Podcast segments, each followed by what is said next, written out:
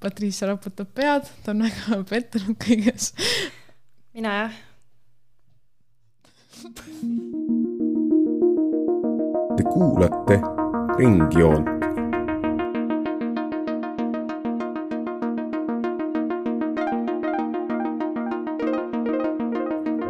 joon ringis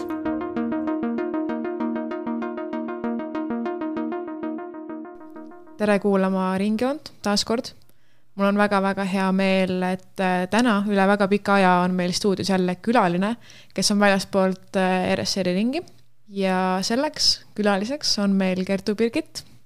ütle tere. tere. siis muidugi on meil stuudios meie oma liige Patricia. tervist. ja täna meid modereerib äh, või noh, meid ei modereeri, meid lõikab kokku pärast Karl. tervist ja mina ise olen Rutt. Täna on meil väga-väga oluline teema käsil. üldiselt me räägime mingitest poliitilistest asjadest, mõnikord spordist. Mm, seekord meil on teema, mis võib-olla esmapilgul ei tundu kõigile nii otseselt poliitikaga seonduv, aga siiski on rahvusvahelistes suhetes väga oluline, on samamoodi Eesti sisepoliitikas oluline ja üleüldse praegu ma ütleksin selle sajandi või selle kümnendi äh, üks kõige olulisemaid küsimusi on siis äh, kliimakriis aga ma annaksin siin sõnajärje Patriciale, kes tutvustaks äh, rohkem sisse meie külalist. no mina mõtlesin tegelikult, et äh, külaline võiks ennast ise tutvustada. ta, ma ei tea, kas sa ise nõustud sellega, aga Postimees nimetas sind Eesti, Eesti äh, Greta Thunbergiks. kuidas sa tunned selle osas? see ei jäänud mikrofoni, aga ma pööritasin silmi selle peale just mulle nagu ka väga paljudele teistele aktivistidele ei meeldi, kui meid tituleeritakse oma riigi Gretaks, sellepärast et lihtsalt meil kõigil on erinevad lood, erinevad taustad, erinevad kontekstid, nii et see on natuke lame. aga noh, jah, ma tean, Postimees tegi seda. Äh, aga mina õpin õigusteadust, mis ma teen, jah, püüan saada keskkonnakaitse juristiks ja juba kuskilt gümnaasiumiajast teatakse mind sellepärast, et ma olen üks nendest noortest, kes võtab avalikult rääkida sellest, et äh, kliimamuutused on tõsine probleem ja inimkond ega Eesti riik väiksemal skaalal ei tee selleks piisavalt, et meil võiks olla turvaline ja me võiksime saada rahulikult äh, magada ja oma tulevikku planeerida. ja kuna neid inimesi on suhteliselt vähe, kes sel teemal võtavad kõvasti sõna, siis need vähesed, kes seda teevad, äh, jäävad silma kusjuures jah, ma tahtsin just öelda, et äh, sa oled siis minu kursaõde ja ma juba enne teadsin, et sa oled lahe inimene, et sind on ikka teada. aga ongi teada, et, et, on Kertu Birgit, aga mis on sinu lugu, mis sind üldse viis selleni, kus sa praegu oled? õigusteadust õppima viis mind äh, see, et kuskil, mul ei olnud gümnaasiumisse minnes ka väga konkreetset sihti, mida ma tahan pärast edasi teha aga kuskil gümnaasiumi esimeses pooles ma sain aru, et oi-oi, keskkonnaga on tõesti halvasti. Ja see väike mõte, mis mul kunagi oli, et äkki oleks lahe õppida neuroloogiat, sellepärast et see, kuidas väikestest molekulidest ja elektrisignaalidest saavad suured ja funktsioneerivad rakukogumid, kes suudavad moodustada ühiskondi ja teha suuri tegusid, on minu meelest päris lahe Äh, aga siis ma sain aru, et esiteks natuke raske on olla neuroloogia, teha teadust kuskil haiglas, kui samal ajal järjest süvenevate kliimamuutuste tõttu lendab haiglal katus ära ja elektrit pole. ja teiseks mulle tundus, et maailma parandamine opereerides äh, järjest ühte aju teise järel on natukene liiga aeglane ja liiga väikese skaalaga ja mul on, on vaja midagi süsteemsemat teha. Äh, ja siis vahepeal me läksime noortega, teiste aktivistidega riigi vastu kohtusse või noh, täpsustame Narva-Jõesuu linnavalitsuse vastu, aga sisuliselt riigi vastu, et peatada uue Eesti Energia õlitehase ehitus ja siis ma vaatasin, et oo oh,, keskkonnajuristid suudavad vist teha päris ägedaid asju ja ma võiks ka proovida midagi taolist teha. aga kuidagi keskkonnateemade juurde laiemalt ma jõudsin, ma arvan, paljuski tänu kodusele kasvatusele ja sellele, et väiksest peale mu vanemad on suunanud mind muuhulgas mõtlema selle peale, et mis on minu mõju maailmale, mis on minu tegude tagajärjed, mida ma ei oska näha või ma kunagi ei saa näha mu vanemad on mind suunanud juba üsna väikesest peale mõtlema selle peale, et mis on minu tegude mõjud, minu tegude mõjud ka need, mida ma ei näe oma silmaga, lihtsalt näite näiteks et kui kuskil midagi valmistatakse mõnes teises riigis, siis et see saaste jääb sinna ja seal kuskil on inimesed, kes äh, aitavad valmistada asja, mida ma ostan. ja, ja siis ühel hetkel ma sattusin selle soone peale, et ma hakkasin ise järjest rohkem keskkonnateemade kohta lugema ja me teame, kuidas töötavad sotsiaalmeedia algoritmid, mida sa rohkem mingist teemast loed, seda rohkem sa mingist teemast loed niimoodi, et nii see läks ja siis ühel hetkel ma sain teada, et äh, Rootsis hakkas Greta Thunberg äh, korraldama kliimastreike, see tundus asi, mida Eestis oleks vaja. siis ma tükk aega ei julgenud seda ise teha, sellepärast et ma ei tahtnud viieteistaastaselt võtta seda vastutust, et ma ajan mingisuguse massi võõraid inimesi kuskile kokku ja, ja võib-olla lähevad asjad halvasti. aga siis ma sain kokku Kristin Siiliga, kes äh, seda juba oli korraldamas ja liitusin Fridays for Future Eestiga ja Kas... seal ma olen ikka veel. kui tohib küsida, et jah, sind seostatakse enim Fridays for Future Eestiga, et kuidas see siis tekkis, et see ei, ei alanud sinuga, on ju? see ei alanud minuga, kindlasti mitte, ma liitusin siis, kui oli juba loodud mõni Messengeri grupp ja esimese Eesti kliimastreigi korraldamine oli käimas. liitusin, aitasin korraldada esimest kliimastreiki, siis teist, siis ühel hetkel me vaatasime, et okei okay,, see liikumine ei saa järgmise paari kuu jooksul läbi. tundub, et meil on vaja mingit pikemat struktuuri Äh, siis sai kaks tuhat üheksateist suvi läbi, vaatasime, et heakene küll, see liikumine vist kestab veel vähemalt aasta ja, ja niimoodi me hästi sujuvalt, täiesti vabatahtlikult oleme üles ehitanud liikumist, mõelnud välja sihte, kuidas inimeste teadlikkust suurendada, kuidas poliitikutega suhelda, kuidas uusi inimesi liikumisse haarata. ma ütlen vahepealaks ära ka selle, et äh, kuidas mina Kertuga kohtusin, kui Patrice on kursade, siis tegelikult, kui me olime mingi kuuesed, midagi sellist. kaheksased. no kaheksased, okei okay., noh, aasta siia-sinna äh,. käisime ühes äh, tantsutrennis, mis tundub täiesti unrelated, aga see tantsutrennis on nagu hästi palju inimesi, kes äh, on nüüd nagu tegijad mingitel nišidel teemadel. ja see on nagu väga hea tutvus, kui Kertu tuli tagasi Eestisse äh, sellest vahepeal välismaal, Kertu tuli tagasi Eestisse ja siis ma nägin, et ta on see, kes veab kliimastreiki, ma olin, oh my god, see on minu lapsepõlvesõber ja siis ma mõtlesin, et nüüd, kus me Patriciaga ka mõlemad olime, siis sügisel liitusime FFF-iga. et oleks tore ka keegi, kes on nagu algusest peale olnud kohal, saaks sellest rääkida. aga ma arvan, et siit saamegi edasi minna siis süvitsi teemade juurde. ma kardan, et mis kliimakriisi juures on kurb, noh, väga paljud asjad on selle juures kurvad, aga mis on murekoht, on see, et inimesed võib-olla ei mõista seda nii hästi, et tihti seostubki lihtsalt sellega, et aa kliimaga on halvasti, et juba on hästi, kui tunnistatakse, et kliimaga on halvasti. ja siis järgmine samm sellest on see, et okei okay,, me peame roheenergiat rohkem tootma hakkama, me peame taaskasutama mingeid asju, aga sellega see teadmine tihtipeale ka lõpeb. et äh, probleem on suur ja ma vaatan siin Patricia poole, ma näen, et sul on hinges üks äh, suur küsimus. see oli jah, kuidagi väga sünge kirjeldus olukorrast, aga kuidas päriselt on, Kertu, kas on sünge? Mulle meeldib äh, ühe kliimateadlase minu meelest väga hea kokkuvõte olukorrast, kes ütleb, et noh, kuidas siis asjad on. asjad on niimoodi, et olukord on halb, see on meie tehtud, seda saab parandada ja aeg tegutseda on nüüd.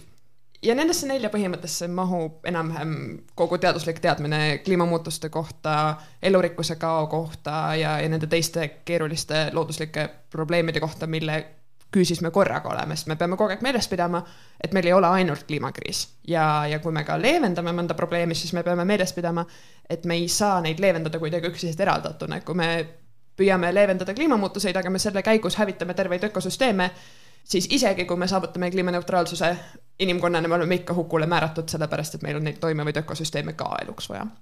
aga jah, olukord on halb Äh, viimase IPCC ehk et valitsustevahelise kliimamuutuste nõukogu raporti järgi, kui inimkond ei hakka enne aastat kaks tuhat kakskümmend viis kiiresti vähendama oma süsinikuheidet, siis meil ei ole võimalik jääda alla kahekraadise kliima soojenemise.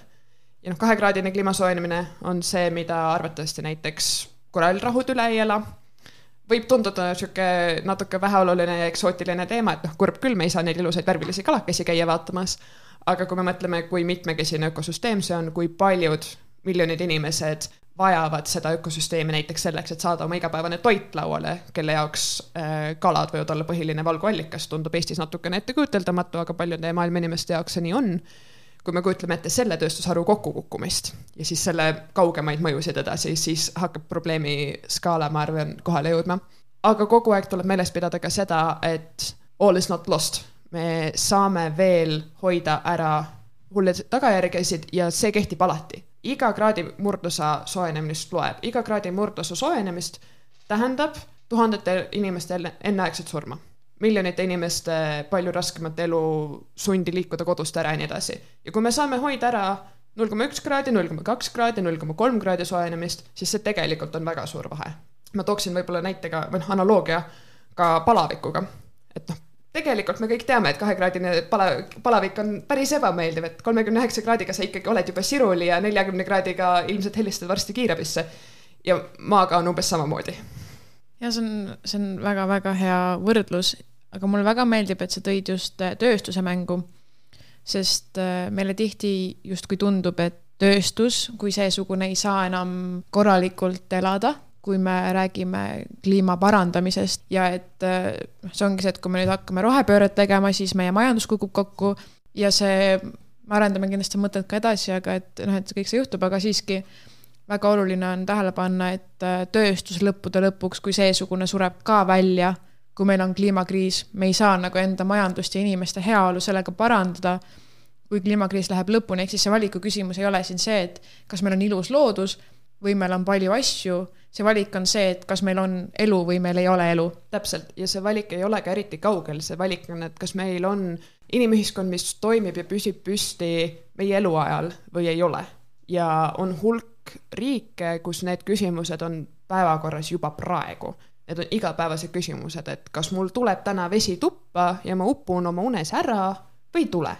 kas sa tahad rääkida äkki mõnest konkreetsemast riigist või mõnest, on sul mõni hea nagu mul on üks tuttav, kes äh, elab Filipiinidel ja kes on rääkinud sellest, kuidas tema just nimelt lapsepõlves on üles kasvanud selle hirmuga, et ta päriselt kardab oma toas ära uppuda, just sellepärast, et Filipiinid on üks nendest riikidest, kus kliimamuutused on väga teravalt tunda, eelkõige tugevamaks saanud tormide näol, millega tulevad kaasa aina suuremad sajud, need põhjustavad üleujutusi ja see uppumisoht on täiesti reaalne et te, tema jaoks see ei ole midagi liialdatud, midagi, mis võib tulevikus juhtuda, vaid see ongi tõesti igapäevane, igapäevane küsimus.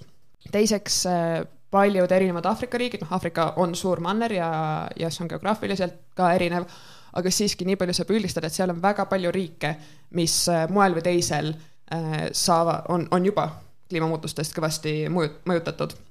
et on, on piirkondi, kus on väga tugevad põuad, kus inimesed kaotavad äh, inimesed, kes tegelevad just väikepõllumajandusega, et üldse ära elada, kaotavad terved oma karjad, nende lapsed ei saa seepärast kooli minna ja nii edasi. et neid näiteid leiab, leiab üle maailma kuni selleni välja, et saamid, kes ei ole, kes ei ela meist üldse väga kaugel, ei saa enam tegeleda traditsioonilise põhjapõdra kasvatusega, sellepärast et ilmastikutingimused on nii palju muutunud see ongi minu meelest väga oluline välja tuua, et me kõik küll kannatame kliimakriisi all aga paratamatult mingid riigid ja mingid klassid inimesi kannatavad väga-väga palju rohkem. Ja siin ongi võib-olla minu juba järgmine küsimus, et me näeme rohelistena riike nagu Rootsi, Norra, Taani, noh, Skandinaavia ja siis võib-olla veel mõned Euroopa riigid, kes on hakanud otsuseid tegema rohkem rohelises suunas, võib-olla ka mingil määral näeme juba Eestit rohelise riigina, siis see rohelisus tuleb kahjuks millegi arvelt ja see tuleb selle arvelt, et jah, Rootsis me ei, meil ei ole nii palju suurtööstusi võib-olla enam, rohkem roheenergiat, aga küsimus tekib siis, et seal ikkagi on tarbimisühiskond, seal on ikkagi väga palju asju, kuhu läheb see prügi, äh, kust tuleb see toode, mida me tarbime igapäevaselt, et see tihti tuleb just nendest riikidest, mida sa nagu mainisid, need Aasia tööstusriigid, mingil määral ka Aafrika, samamoodi kaevandused, kõik see. Ja noh, saamidelt küll me otseselt mingit asja ei saa, aga mm. noh, see oli lihtsalt üks näide, kuidas nagu kusjuures saamidega tegelikult just praegu on käimas äh, neil väga suur võitlus, et äh, saami traditsioonilistele karjamaadele Norras äh, tahetakse panna või ka on juba pandud tuuleturbiine. Just selleks, et Norra riik saaks äh, taastuvat energiat mis on iseenesest hea äh, ja, ja seda on iseenesest vaja. küsimus on, kas see peab tingimata olema saamide põllumaja, nendel karjakasvatusmaadel sest et saamid väidavad, et kui need tuuleturbiinid seal on, siis põhjapõdrad kardavad neid ja nad enam ei liigu nendel maadel. ja nad ei saa siis sealt enam toitu, sest et põhjapõdrad ei ole päris loomad, keda sa kasvatad laudas, vaid ikkagi äh, väljas maastikul äh,. ja see tulebki just otsapidi kliimaõigluse juurde, et kelle juurde me siis paigutame need lahendused, mida meil on vaja et kliimamuutuste näol tegemist on üleilmse probleemiga, aga üleilmsetele probleemidele on ainult kohalikud lahendused, kõik need lahendused tuleb kuskil päris füüsilises paigas ellu viia ja tulebki väga hoolikalt läbi arutada, et kelle juures me siis, kelle tagaaias me need asjad ellu viime, kelle juures see oleks õiglane. aga ma tahtsin veel su eelmise küsimuse juurde tagasi tulla tööstuste kohta. Ma lugesin mõni aeg tagasi ühte uuringut, ma ei mäleta kahjuks selle autorit praegu peast, aga kus, kus ta leidis, et kliimamuutused ei ole tegelikult väga suur probleem tööstustele, sellepärast et enamik tööstuslikku toodangut toodetakse siseruumides ja välisruumides toodetakse ainult kolme protsendi SKT jagu äh, toodangut ja väärtust. et kui see kolm protsenti ära kaob äh, kliimamuutuste tõttu, siis see on okei okay,, sest et meil jääb kõik see siseruumides toodetav alles. mis noh, see kahjuks ei ole ainus omataoline uuring äh, ja see kahjuks oli suhteliselt äh, kõrgelt tunnustatud teadlase poolt mis ilmestab seda, kui kitsalt me vaatame majandust ja kuidas me ei mõista, et kui meil kaob ära põllumajandus õuest, siis me jääme nälga ja meie ühiskond kukub kokku. et noh, me teame, et tegelikult ühiskond massirahutustest on täpselt kolme toidukorra kaugusel kogu aeg. ja see on väga-väga hea, et sa tulid äh, tagasi majanduse juurde. ma seletan siis väikse kontseptsiooni või mõtte, mis on mitte minu mõte vaid väga paljude teadlaste mõte ja üks töö, kust ma seda täpsemalt lugesin, oli siis Georgos Kallise töö In defense of degrowth. see on siis ühe ajakirja artikkel. Ja seal ta räägib ideest, et maailm on justkui nagu kolmnurk, niisugune võib-olla filosoofiline mõte, aga ühes tipus on majandus, ühe, noh, majandusareng võib-olla, siis majanduskasv, SKT võib-olla, teises tipus on äh, inimene, inimese heaolu ja kolmandas tipus on keskkond ja idee on siis selles, et äh, selleks, et kaks neist saaksid areneda, peab kolmas kannatama või kuidagi nagu ära kaduma. ehk siis, mis meil praegu toimub, on see, et majandus kasvab, inimese heaolu suureneb veel, aga keskkond kannatab selle all, aga probleem tekib sellest, et kui sa võtad kolmnurgal ühe nurga ära, siis see ei ole enam kolmnurk, seega lõpuks ka see keskkonna areng, noh, keskkonna hävimine hakkab mõjutama esi-, nagu alumisi kahte. ja niimoodi siis iga asja eemaldamisega ja siis ongi see küsimus, et kas me saame justkui neid kõiki kolme kuidagi koos hoida, kas me saame selle majandusarengu välja võtta niimoodi, inimesel oleks hea, keskkonnal oleks hea, aga siis justkui tekib küsimus, et millest tekib see inimheaolu, ehk siis praegu meil heaolu on väga-väga tugevalt seotud majandusega, mis on ka loogiline, sest me saame neid asju sõna otseses mõttes tänu sellele, et majandus kasvab ja, ja kõike seda. ja, ja kuidagi see, et välja võtta nagu majandus, tähendab, võtta välja inimene tundub kuidagi veider, sest et noh, see ei töötaks. ehk siis justkui ühegi nurga väljavõtmine ei tööta ja tuleb leida see viis, kuidas nad kõik kolm saaksid äh, koos olla. ja selleks on välja käidud siis erinevaid mõtteid, äh, kas siis äh, sotsialism, ringmajandus, kõik sellised muud terminid. Kas sa tahad näiteks täpsustada, mis on sinu vaade sellele? -hmm ma kõigepealt tahan vastu vaielda su sellele väitele, et eh, majanduskasv on tingimata seotud inimeste heaoluga, et mida rohkem rikkust ja asju inimestel on, siis seda parem on neil olla. Eh, see ei ole leidnud teaduslikku kinnitust nii kaugele, või õigemini nii kaugele see on leidnud teaduslikku kinnitust, et kui inimesed pääsevad välja väga sugevast vaesusest, nende baasvajadused saavad kaetud, neil on piisavalt riideid ja katus pea kohal, piisavalt süüa ja nii edasi siis see tõesti muudab inimesi õnnelikumaks.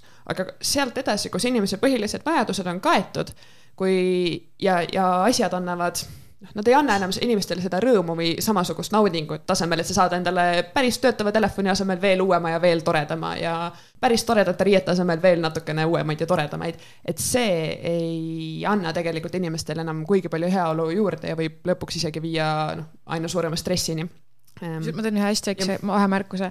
see mõte ei ole üldsegi mitte uus mõte, eh, mida Kertu mainis, vaid juba näiteks eh, Rousseau, kes on, ma arvan, kõigile tuntud filosoof, rääkis, et inimesed läksid, inimkond läks siis nagu allamäge alates sellest hetkest, kus me enam ei valmistanud ainult tööriistu ja elus olemiseks asju, vaid kus me hakkasime valmistama endale ehteid ja asju, mis tõid lihtsalt rõõmu, sest et siis tekkis segregatsioon inimesed hakkasid üksteisega võitlema siis rikkuse nimel. Et äh, see küll noh, äh, tänapäeval on natuke keerulisem ja, ja eks loomulikult on ka olulised igasugused asjad, mis pakuvad meile naudinguid, pealesöögi ja muu. aga, aga ma arvan, et see mõte illustreerib väga hästi, et meil tegelikult inimkonnal on nagu probleem selles ületarbimises ja, ja kadeduses ja konkurentsis just äh,, aga sa küsisid, et mis majandusmudelil minu arvates võiks olla perspektiivi või mis on minu vaade sellele äh,. ja, ja ma tooksin esile selle jaoks sõõrikumajanduse äh,, inglise keeles donut economics äh,, mis on siis kontseptsioon, jah, selleks, et sellest hästi aru saada, võib ka kujutada silme ette sõõrikut, mille siis keskel on see ruum äh,, mis kujutab inimeste baasvajadusi. haridus, toit, vesi, piisavad materiaalsed vajadused nii edasi. ja siis sõõrikust väljaspoole jäävad looduse piirid. kliimamuutused, erinevate toitainete, väetiste kasutamine, osoonikiht, nii edasi. ja siis selle inimeste baasvajaduste ja looduse piiride vahele jääb see tore sõõrikuruum, kuhu siis majandus peaks mahtuma. majandus ei tohi ületada looduse piire, sellepärast et lõpuks see tuleb meile endale kuhjaga tagasi ja samas kui me ei rahulda inimeste baasvajadusi, siis milleks meile üldse selline majandus- ja ühiskonnakord, mis hoiab inimesi nende baasvajaduste rahuldamisest eemal. seda majandusmudelit on kõige esimesena ja kõige põhjalikumalt kirjeldanud majandusteadlane Kate Raworth ja ma siinkohal esimene raamatusoovitus, ta ongi kirjutanud raamatu Donut Economics, minu meelest väga, väga silmi avav raamat just selle kohta, et meil ei olegi kohe varnast võtta mingisugust head majandusmudelit, mida me saaksime nüüd rakendama hakata ja me teame täpselt, milline see välja näeb ja kuidas see töötab. aga ilmselge on see, et kasvumajandus ei tööta. ilmselge on see, et me ei saa nii palju raisata ja nii palju ära visata, nagu me seda praeguses lineaarmajanduses teeme. aga ka sellel lihtsalt, et me loome ringmajanduse, aga me ei pane näiteks piiri peale oma summaarsele ressursi kasutusele. sellel ka ei ole, see tegelikult ei ole jätkusuutlik, et noh, et kui see ring on lihtsalt aina kasvav spiraal siis see ei ole jätkusuutlik. nii et ma arvan, et see on, see on majandusmudel, mille peale me peaksime oluliselt rohkem mõtlema, muuhulgas mõtlema ka just näiteks selle peale, et mis on need näidikud, mida me ühiskonna juures mõõdame, kuidas me mõõdame inimeste heaolu, kuidas me mõõdame vara jaotust ühiskonnas, mitte ainult selle juurde tekkimist, mida me SKT-ga praegu mõõdame, kuidas me mõõdame inimeste tervist, kuidas me mõõdame looduse tervist ja siis kuidas me lõpuks seda kõike võtame arvesse, näiteks siis, kui me koostame järgmise aasta riigieelarvet mul otseselt lisada ei ole, aga mul nii-öelda selline seos majandusega tuletab meelde sellist äh, teemat või terminit nagu green grabbing, sa oled ilmselt tuttav sellega. ma võin siis tutvustada, mis see täpsemalt on. Ja selle võttis siis esmalt äh, kasutusele aastal kaks tuhat kaheksa ajakirjanik John Weidel. Ja ta kirjeldas sellega siis äh, teravaid maade krabamise, siis sõna otseses mõttes konflikte ja seda siis nii-öelda ülla rohe eesmärgi nimel. see on siis selline olukord, kus võimsad otsustajariigid, ehk siis nagu sa ise vahepeal välja tõid, Global North, et äh, sellised rohelised äh, pürgimused äh, päädivad vägivaldse maade krabamisega globaalses lõunas, et siis istutada lääne inimese süsiniku jalajälje korvamise puid säilitada metsikut loodust või langetada vihmametsi biokütuste võtmekomponendi, näiteks palmiõle nimel. et ma siis praegu siin tsiteerisin Müürilehe artiklit, kus on sellest äh, väga põhjalikult kirjutatud ja on toodud seal ka mõned ohvrid välja, et siis äh, Ladina-Ameerika, Aafrika, Kaug-Aasia ja täpsemalt on näiteks Marokos üks hiiglaslik päikesefarm, kus siis eksporditakse, seda toodangut sealt eksporditakse suures osas Euroopasse kus siis neil endal tegelikult seal äh, Marokos puudub igasugune ühendus elektrivõrguga. kuidas, kas sa näed mingit paradoksi siinkohal või et? mul tuli kohe esimese seosena pähe see, kuidas praegu äh, Euroopa Komisjon on alustanud Eesti suhtes rikkumismenetluse, sellepärast et Eesti on lubanud viimastel aastatel Natura aladel, mis peaksid olema väga hästi kaitstud loodusalad, on lubanud äh, raiuda, sealhulgas lage raiuda tuhandeid hektareid metsa hindamata sealjuures nende raiete mõju äh, sellele keskkonnale, aga suhteliselt selge on see, et lageraiel ei ole mingisugust head mõju äh, ühele olulisele elupaigale. ja samal ajal, kui me enda metsi hävitame selleks, et teha neist pelleteid ja saada selle eest raha näiteks äh, Hollandist või Inglismaalt, kuhu paljud meie pelletid eksporditakse, siis Eesti ja, ja ka meie sarnased riigid toetame just mingisuguseid projekte, kus kuskile mujale istutatakse puupõlde või mis sa just ka välja tõid, et, et kus inimesed, põlisrahvad, kes on elanud koos oma looduskeskkonnaga pikki, tihti aastasadu, kelle, kelle ajalugu selle paiga kohta ulatub kaugele, kellel on tihti väga-väga põhjalikud teadmised just selle paiga iseärasuste kohta, selle paiga loomade, looduse ja ka inimesena toimimise kohta. et kuidas nemad tõstetakse sealt välja, sest et eurooplastena meil on arusaam, et inimene ja loodus ei käi päris hästi kokku, et kus on inimene, seal inimene ilmselt tekitab loodusele kahju, selleks, et loodus saaks olla, tuleb inimene sealt ära tõsta. aga on palju põlisrahvad, kes tänapäevanigi elavad loodusega tõesti koos ja, ja aitavad seda loodust kaitsta. Äh, suhteliselt levinud äh, või noh, käibe, käibenumber on et, et kaheksakümmend protsenti maailma elurikkusest on just nimelt põlisrahvaste kaitse all endiselt püsinud tänu sellele, et on põlisrahvaste kogukonnad, kes saavad hallata neile haldamiseks jäetud territooriumi ja, ja hoida seal seda loomulikku eluviisi alles ja siis tuleme meie oma eurooplasliku arusaamaga, et inimesed, paha, looduse hoidmiseks tuleb siit nad välja tõsta ja tekitame sellega tihti veel kahju juurde. mul tekib siinkohal küsimus, et kas sa julgeksid öelda, et siin on siis niisugune kolonialismi nii-öelda ideega flirtimine uuesti laua peale tulnud? ma ei ütleks flirtimine, aga millal me kolonialismi ära lõpetasime? Äkki küsimus mm,? kuule, kuule. okei, okei, okei no see on, see on, see, see on näiteks, tõesti küsimus. see oli näiteks teema, mis käis väga selgelt läbi, kui ma käisin kahe tuhande kahekümne esimese aasta sügisel äh, kliimamuutuste konverentsil COP kakskümmend kuus. ehk et igal aastal toimub siis Conference of the Parties, osaliste konverents noh, nagu numbrist aru saab, siis nüüd selleks, nüüdseks aastaks on seda toimunud juba kakskümmend seitse korda. riigid tulevad kokku, arutavad, mis me kliimamuutustega teeme. ja seal on kolonialism ja selle jäänused, selle tänapäevased mõjud igal aastal väga oluline teema, sest ilmselgelt ühel pool on riigid, kes ei taha seda tunnistada, kes nagu Euroopa Liit tahavad väita, et kolonis-, kolonialism on läbi saanud ja kõik saavad nüüd omaette ise areneda ja me ei peaks väga millegi eest justkui vastutama ja teiselt poolt on riigid, kes elavad endiselt kolonialismi jäänustes, kes elavad Euroopa põllumajanduspoliitika mõjude all, mistõttu nad ei saa Euroopasse mõistlike hindadega oma kaupa eksportida ja nii edasi. ja, ja see on ka põhjus näiteks, miks väga, oli väga oluline, et eelmise aasta COP-il äh, kaks tuhat kakskümmend kaks võeti vastu loss and damage kokkulepe.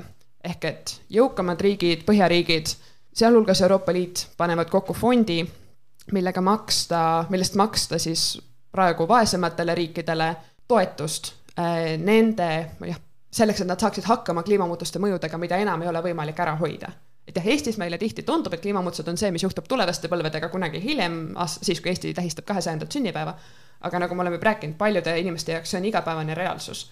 ja need inimesed ei saa kohaneda väljasurevate kultuuridega, surnud inimestega, surnud loomadega, nad vajavad selleks abi, et seda kuidagi üle elada ja just selle jaoks ongi loodud Loss and Damage'i äh, fond. see on väga hea, et sa sisse tõid, sest ma tõesti tahtsin küsida, et äh, COP kakskümmend seitse, siis üks märgilisi saavutusi on väidetavalt see kliimareparatsioonide fond, aga me vist enne sinuga rääkisime, et äh, Pariisi kokkuleppest, kus samamoodi käis selline mõtisklus äkki läbi, et lubadus ja see vist ei läinud õnneks, et kui reaalne on siis see praegune loss and damage äh, kokkulepe ja räägi siis selle tagamaadest veel kord.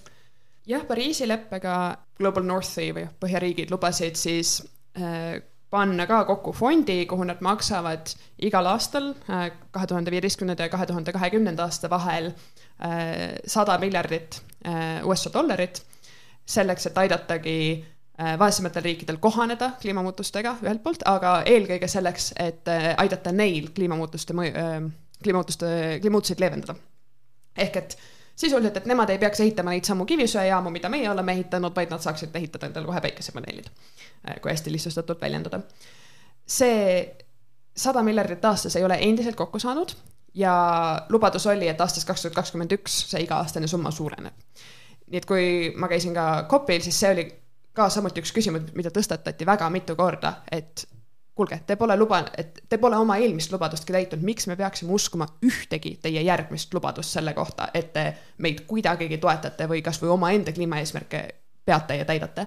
ja selles mõttes ma ise täpselt ei tea, kust või millest see usk tuleb, et Loss and Damage'i fond saab tööle ja, ja kindlasti on võimalus, et see ei saa tööle aga juba see tõsiasi, et selline kokkulepe iseenesest sõlmiti ja ka rikkamad riigid sellega nõusse saadi, on, on märgiline, sest nüüd ikkagi on kokkulepe, millele saab viidata ja, ja saab näidata, et riigid ei pea oma lubadusi, sest kuni kokkulepet ei ole, siis, siis on veel nõrgem positsioon. ma arvan, et see ongi sellised rahvusvahelised asjad ja ka kolonialism, neokolonialism või noh, kuidas iganes me tahame seda nimetada on nagu väga olulist viitavad kahele probleemile, üks ongi siis see, et vaesemad riigid, väiksemad riigid, mitte väiksemad oma füüsilise piiri poolest, vaid just majanduslikult väiksemad. Ja muud sellised riigid jäävad äh, maha arengust ja nad kannatavad topelt, nad kannatavad topelt selles mõttes, et nende majandus ei kasva, sest et neil on halvasti, aga ühtlasi nende keskkond hävineb, sest et meie majandus kasvab ja see toob nagu teise probleemini et äh, me, me näeme nagu võimalust samal ajal kasvatada majandust tohutul, tohutul kiirusel edasi ja hoida keskkonda korras. et ma tean, et sul tahad küll teha kommentaari praegu, aga kui sa teed oma kommentaari ära, siis vastake, ma arvan, mõlemad küsimusele, mis on nagu mõned positiivsed kokkulepped või mingid positiivsemad asjad, mis on viimasel ajal keskkonna ja kliimaga seoses äh, olnud Äh, ma tahtsin lisada veel kommentaari selle sinu äh, loetelule, kuidas on need kumuleeruvad mõjud. et üks, mida tuleb ka meeles pidada, on see, et kliimamuutused avalduvad maailma eri paigus väga erinevalt. Ja rusikareegel on see, et need riigid, kes kliimamuutuseid peamiselt põhjustavad, asuvad juhuslikult geograafiliselt nendes piirkondades, kus kliimamuutused peamiselt ei avaldu. Ja need riigid, kes saavad kliimamuutuste vähendamiseks üsna vähe ära teha, sest et nad ise ei põhjusta neid eriti palju jällegi räägime tihti Kagu-Aasia riikidest, väikestest saarte riikidest ookeanis äh,, Väikses ookeanis äh,, räägime Aafrika riikidest, siis nemad on need, kes juba praegu kliimamuutuste tõttu kannatavad, et see probleem oleks lihtsam, kui põhjustaja ja kannataja oleks ilmselt seesama, sellepärast et siis noh, meile kellelegi ei meeldi endale väga tuntavalt haiget teha. aga positiivsetest kokkulepetest ma tooksin välja ühe, mis äh, sõlmiti või milleni ÜRO jõud-, ÜRO-s jõuti eelmisel nädalal ja see on kakskümmend aastat läbi räägitud kokkulepe avamere kaitseks. Võib tunduda väga kauge, sest et noh, avameri on meist juba füüsiliselt päris kaugel, aga see on väga oluline sellepärast, et ühelt poolt avameri ja üldse ookeanid on ju see, mis äh, võtab endasse tohutu hulga äh, sellest süsihappegaasist, mida me atmosfääri paiskame ta on väga-väga võimas puhver, samas seal on tohutult palju elurikkust. Äh, seal on tohutult palju elu, elurikkust, mida paljud ettevõtted soovivad ära kasutada näiteks ravimitööstuse arendamiseks. ja seni meil ei olnud avamere kaitsmiseks õieti mitte mingisugust ülemaailmset kokkulepet. nüüd selleni, äh, selleni jõuti ja see on muuhulgas oluline ka sellepärast, et selle värske kokkuleppe põhjal on võimalik ehitada siis õiguslik raamistik selleks, et võtta kaitse alla kolmkümmend protsenti maailma merest. ja see jällegi on osa äh, värskest ülemaailmsest elurikkuse kaitsekokkuleppest, milleni jõuti detsembris Hiinas, kus äh, riigid üle maailma leppisid kokku, et aastaks kaks tuhat kolmkümmend võetakse kaitse alla kolmkümmend protsenti merest ja kolmkümmend protsenti maailm äh,, maailma maismaa piirkonnast, nii-öelda kolmkümmend, kolmkümmend eesmärk aga jah, seni, kuni meil seda merekokkulepet ei olnud, ei olnud praktiliselt kuidagi võimalik ette näha, kuidas seda merekaitse eesmärki praktiliselt jõustada. Patricia, kas sul on mõni positiivne asi, mis sa oled kuulnud, kas viimasel ajal või üldse nagu kliima ja keskkonnaga seotult? ma pean tõdema, ma ei taha kuidagi hästi morbiidselt kõlada, aga ma ei olegi midagi head kuulnud. see on see, kuidas mina tajun, et kajastatakse kliimakriisi ja mul on hea meel, et Kertu tõi midagi positiivset siinkohal välja nii et püüan ennast rohkem kursis hoida, otsida positiivsemaid asju, aga aitäh, et küsimuse esitasid ja tähelepanu juhtisid sellele. ma arvan, et on ka raske leida positiivseid asju, aga. aga neid siiski on ja neid, neid tasub on. otsida, sellepärast et. Kui teeb küsida, kust? on olemas näiteks, oota, sotsiaalmeedias on tegelikult olemas kontosid, mis tegelevad sihilikult sellega, et küll, teha regulaarseid ülevaateid positiivsetest keskkonnaalastest uudistest ja minu meelest need on väga tänuväärsed, sest jällegi meil on hulk uuringuid, mis näitavad, et kui inimesed on ala lõpmata selles negatiivses uudisvoos, siis tekib tunne, et see kõik ongi nii lootusetu, see kõik on nii mõttetu, pole enam midagi, noh, trumm, trumm läinud, mingu pulgad ka. aga nagu me rääkisime, siis see, see ei vasta tõele, sellepärast et iga murdosa kraadi soojenemist on kellegi elud ja, ja, ja kellegi elatus. nii et on küll mõtet võidelda ja, need positiivsed uudised aitavad hoida sihti. ja ma, ma lihtsalt ei taha sinna teemasse küll sukelduda, aga mul on jah, selline tunne, et minu algoritm tahab mulle toita natukene kurbasid uudiseid viimasel ajal. nii et aga loodame, et siis mingid muutused tulevad sisse. ma, ma läheksin siin positiivse teemaga üle meie viimasele teemale, kus me veel ei tea täiesti kindlalt, kas see on nüüd positiivne uudis, aga vähemalt meil on võimalus, et moodustavad siis Eesti Vabariigi uue valitsuse erakonnad, kes kõik kolm ütlesid enda programmis, et nad tahavad kliimaseadust. ja siit ma siis tuleksingi Eesti teema juurde, et enne valimisi mina ja Kertu mõlemad tegime Delfiga koostöös intervjuud kõikide erakondade esindajatega. Ja sealt me saime huvitavaid mõtteid, noh, neilt kuulda, mõnelt positiivsemaid, mõnelt negatiivsemaid, äh, kuidas kellelgi, aga mis on sinu ootused äh, uuele valitsusele, kui see peaks, noh, ilmselt see tuleb ikkagi see kolmikvalitsus, mida me, mida me kõik lootsime, ma arvan. et äh, mis on ootused, mis on lootused ja mida sa kardad? Ma hakkan keskkonnateemadest pihta, sest see on see, millest ma räägin, aga tegelikult mul on ootused ja lootuseid äh, muudele teemadele neile ka. aga kliimaseaduse puhul mul on tõesti lootus, et nad teevad selle ära, nad teevad selle ära kiiresti. Äh, nagu õiguskantsler on öelnud, siis äh, vähemalt osaga kliimaseaduste teemadest tuleks tegeleda, see tähendab, tuleks vastu võtta Riigikogus juba selle aastanumbri sees. Nii et tõesti on kiire, samas me oleme näinud näiteks Ukrainat toetades, et Eesti riik on võimeline kiiresti tegutsema mu lootus kindlasti nende loodavale kliimaseadusele on see, et nad on teaduspõhised, võtavad päriselt kuulda teadust kliimamuutuste tõsiduse kohta, leevendamise vajaliku kiiruse kohta ja panevad selle, panevad vastavad eesmärgid seadusesse kirja, panevad kirja, et Eesti saab kliimaneutraalseks aastaks kaks tuhat kolmkümmend viis, sest et kaks tuhat viiskümmend, mida, mis on lepitud kokku üle Euroopa ja mis on hetkel Eesti ühes arengukavas kirjas, on kaugelt liiga hilja mul on, mul on ka lootus, et eh, selleks, et kliimaseadust luua, eh, korraldatakse Eestis kliimakogu ehk et kutsutakse kokku representatiivne hulk inimesi üle Eesti, täiesti tavalisi inimesi igasugustelt elualadelt, nooremaid, vanemaid, eesti ja venekeelseid, nii edasi, kes siis ühelt poolt kõigepealt kuulevad ekspertide käest kliimamuutuste põhjuste, tagajärgede kohta, võimalike leevenduste kohta ja seejärel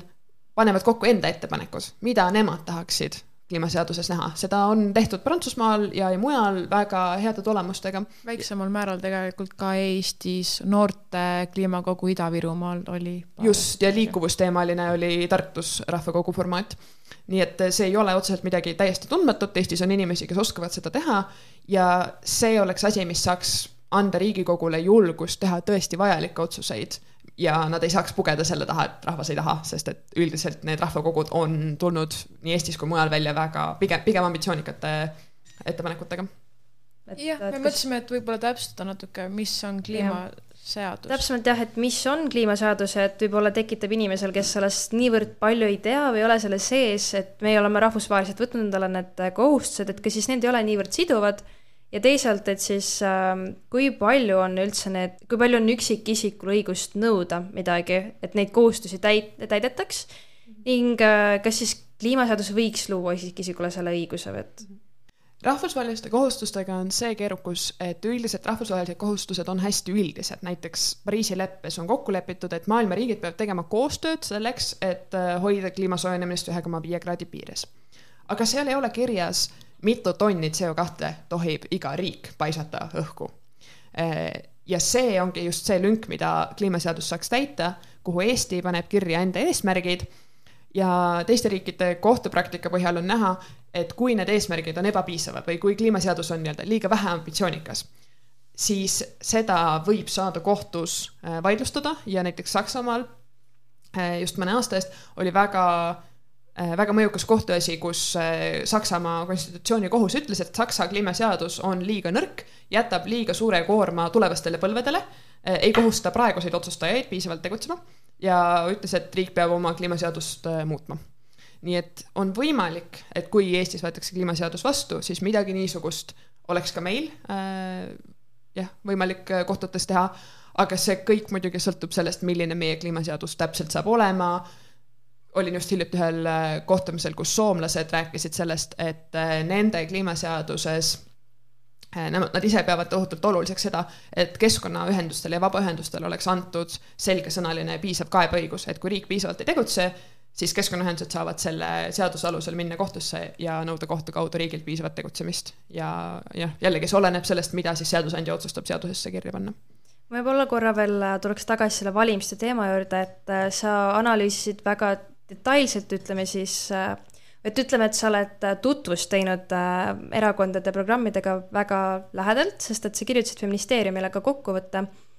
ja ma ei tea, kas sa puudutasid seal ka seda, et kliimamuutused võiksid olla tulevikus julgeolekurisk, et tuua siia sisse täpsemalt siis julgeolek mm -hmm. veel lõpupoole ja et siis täpsemalt veel, siin on siis kaks küsimust, et äh, kas sa tajusid, kas mingid erakonnad tundsid julgeolekuriski ning nüüd võimalus saada Eesti ajalooks liberaalsemaid äh, koalitsioone, valitsusi, et kuidas sulle üldiselt need siis kolm erakonda tundusid, et äh, veel kokkuvõtlikumalt, mis võiks olla meie tulevase valitsuse visioon, sammud?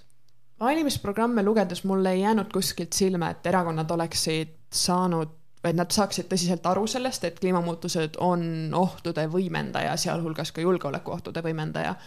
jällegi mitte ainult kauges tulevikus, vaid näiteks Süürias puhkenud sõda, mis ei ole siiamaani lõppenud Äh, sai osaliselt alguse sellest, et neil oli seal erakordselt tugev põud paarile sajale eelnenud aastal, mis suurendas ühiskondlikke pingeid. võimalik, et sõda oleks ka muidu puhkenud, aga kliimamuutused väga tõenäoliselt tegid selle sõja puhkemise võimalikumaks.